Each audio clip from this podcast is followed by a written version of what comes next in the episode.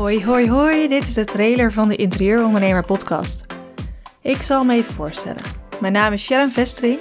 Ik woon in Heemstede, dat is vlakbij Haarlem. Ik heb een zoon van drie en ik ben interieurontwerper. Dit doe ik nu sinds eind 2021. En voor die tijd was ik nog gewoon in loondienst in een totaal andere branche.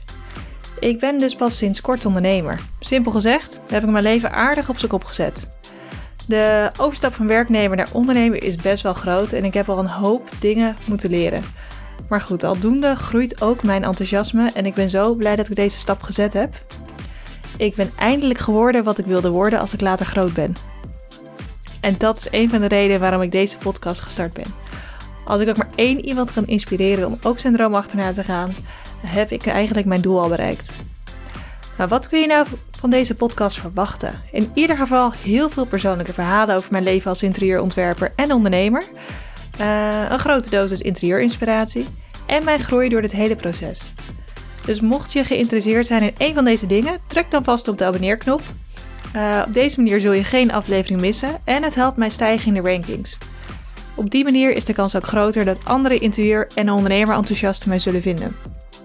Uh, heb je een vraag over de show, stuur me dan even een mailtje naar info.sharonvestering.com of als je dat nog niet doet, ga me volgen op Instagram.